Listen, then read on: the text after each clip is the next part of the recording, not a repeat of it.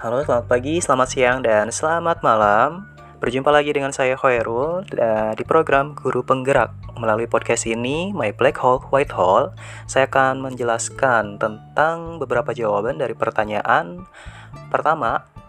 Nah, setelah membaca materi mengenai kompetensi guru dan kepala sekolah, kira-kira sih apa sih yang diharapkan oleh pemerintah melalui Kemendikbud pada para pendidik setelah mempelajari materi tentang nilai-nilai dan peran guru penggerak di modul 1.2 dan tentunya ini tugas di poin B9 elaborasi pemahaman.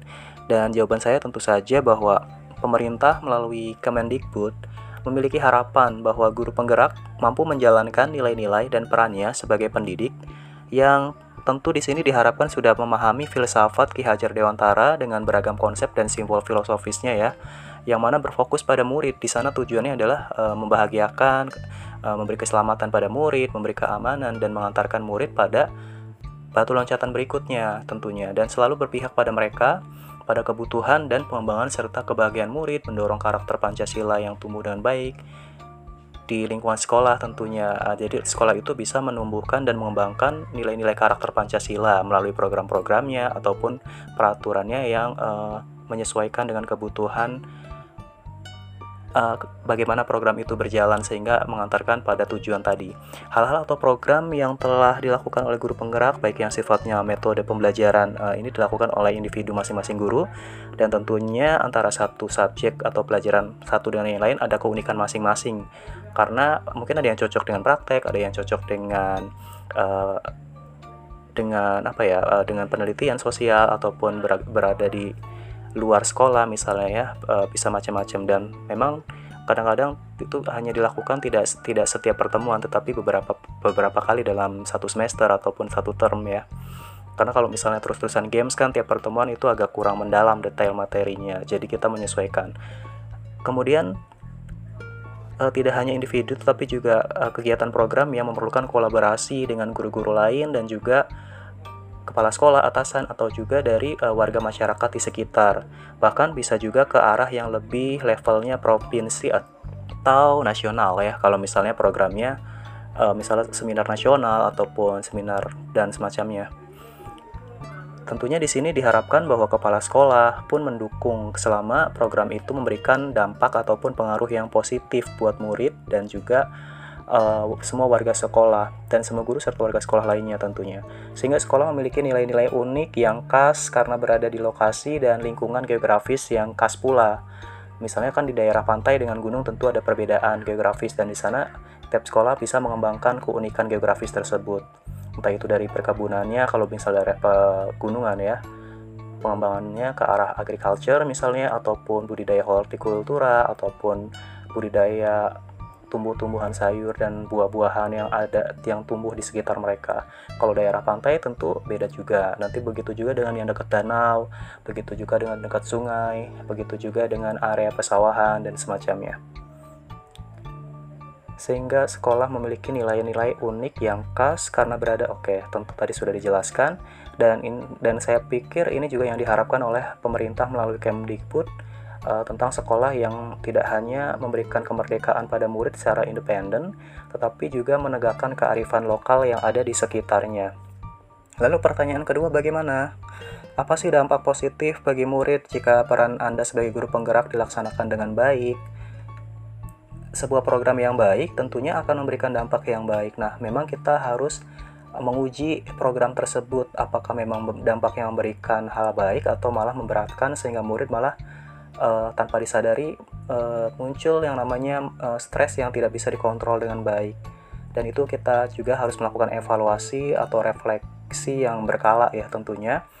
Uh, murid menyadari bahwa dengan program yang baik tentunya murid juga akan menyadari bahwa guru-guru mereka melalui program guru penggerak sebagai inisiator. Dan tentunya sekolah yang punya guru penggerak itu dianggap bahwa uh, guru penggerak itu sebagai inisiator inisiator ataupun dobrak awal melalui program yang uh, mungkin uh, tidak menjadi rutinitas ya, tapi tiba-tiba muncul dan menjadi rutinitas di sekolah tersebut misalnya, atau program yang sudah jalan dan dikembangkan kembali sehingga lebih maksimal misalnya itu juga boleh adalah fasilitator yang berperan juga sebagai pendidik dan mentor yang akan mendukung dan membantunya mengantarkan mereka pada proses pendewasaan, keselamatan, keamanan, dan kebahagiaan sejati di mana murid juga menyadari bahwa belajar adalah kegiatan yang menyenangkan, sehingga tumbuh menjadi kebiasaan yang akan mengantarkannya menjadi pembelajar seumur hidup. Nah, ini tujuan utama bahwa sebetulnya untuk mengatasi kemajuan-kemajuan yang bahkan agak sulit untuk diikuti dengan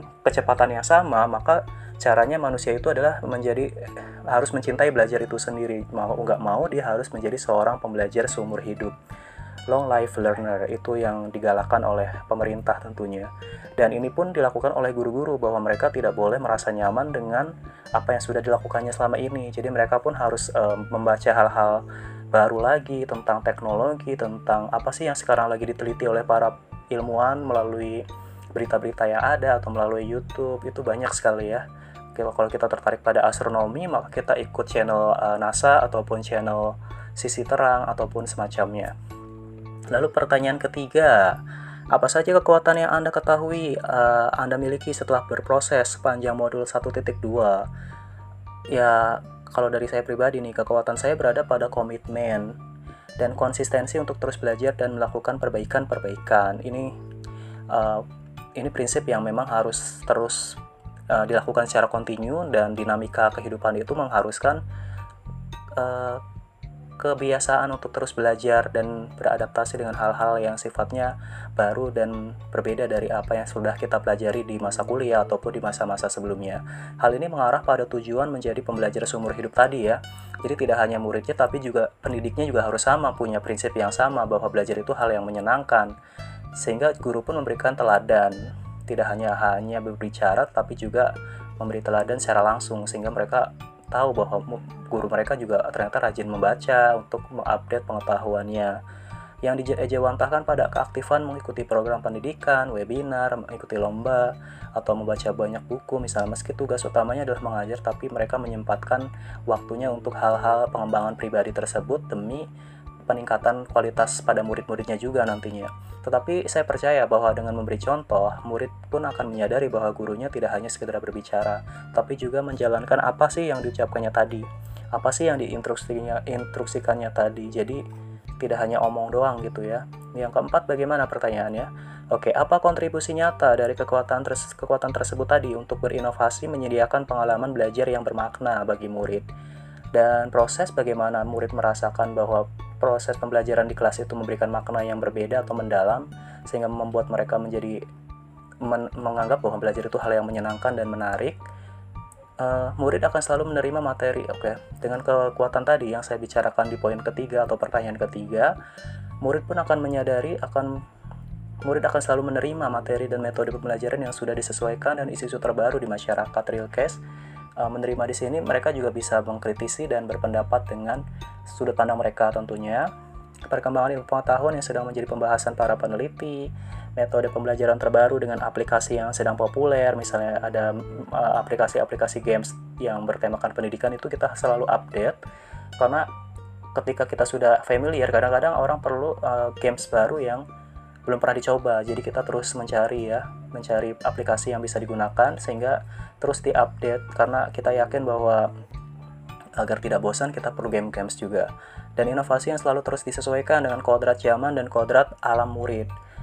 Dan ini kodrat zaman kodrat alam itu memang harus disesuaikan karena antara satu generasi dan generasi lain tentunya punya tantangan dan uh, tantangan dan masalahnya masing-masing sehingga kita pun harus adaptif guru pun uh, meski usianya berada di generasi sebelum-sebelumnya artinya dia harus menyesuaikan muridnya yang sekarang dengan tantangan yang yang baru tentunya dengan itu diharapkan tumbuh murid-murid yang inovatif, eh, kreatif tentunya, kritis juga, berdaya saing global, dan peka pada lingkungan sekitar.